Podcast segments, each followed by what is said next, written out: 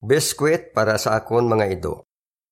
Sang 2014, permi ko ginaupod sa paglakat-lakat sa sentro sang syudad ang akon duha kagamay nga ido. Siling ni Nick nga taga Oregon, USA. Makita ko diri permi ang mga saksi nga nagatindog sa tupad sang ilang mga cart nga may display nga mga publikasyon.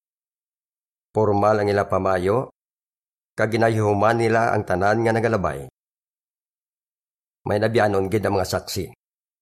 Kabuot sa ila, bisan sa akon mga ido. Isa ka adlaw, samtang nagatindog sa tupad sang kart si Ellen, ginataga niya sang biskwit ang akon duwa ka ido.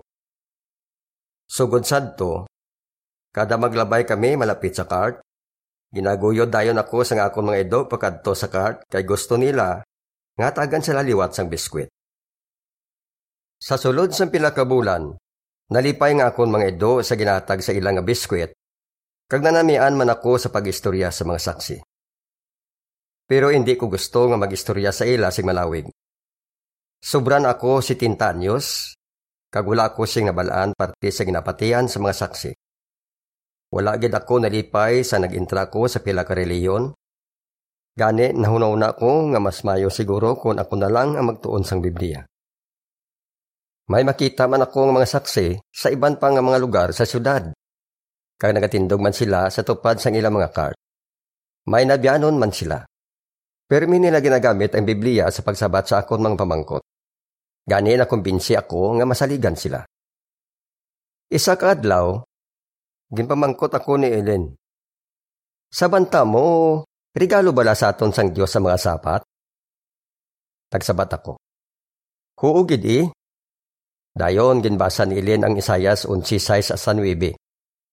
Bangon sini, nangin interesado ako nga tunan ang Biblia. Pero nagalang-alang gihapon ako nga matunon ang ilang mga publikasyon.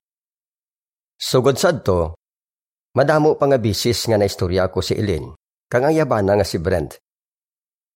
Nanamian gid ako sa amon pag-istoryanay, bisan kadali lang. Ginsilingan nila ko nga basahon ko ang Matiyo hasta sa binuhatan para mabalaan ko kung anong ginasiling sa Biblia parte sa matuod nga mga Kristiyano. Ginhimo ko ini. Wala madugay pagkatapos ini, nagpasugot ako nga magpa-Bible study kay Brent kag kay Ellen. Natabo ini sang tunga-tunga sang 2016. Excited ako pirmi sa pag-Bible study kada semana kag sa pag-atin sa mga meeting sa Kingdom Hall. Nalipay gid ako kay natunan ko kung ano gid ang ginatudlo sa Biblia. Pagligad sang sulusobra isa ka tuig, nabautismuan ako bilang isa ka saksi. Subong, 79 anyos na ko. Nagapasalamat gid ako kay nakita ko ang matuod nga relihiyon. Ginpakamayo ako ni Jehova. Kay ginbuligan niya ako nga manginbahin sa iya pamilya sa bilog nga kalibutan. Dire natapos ang artikulo.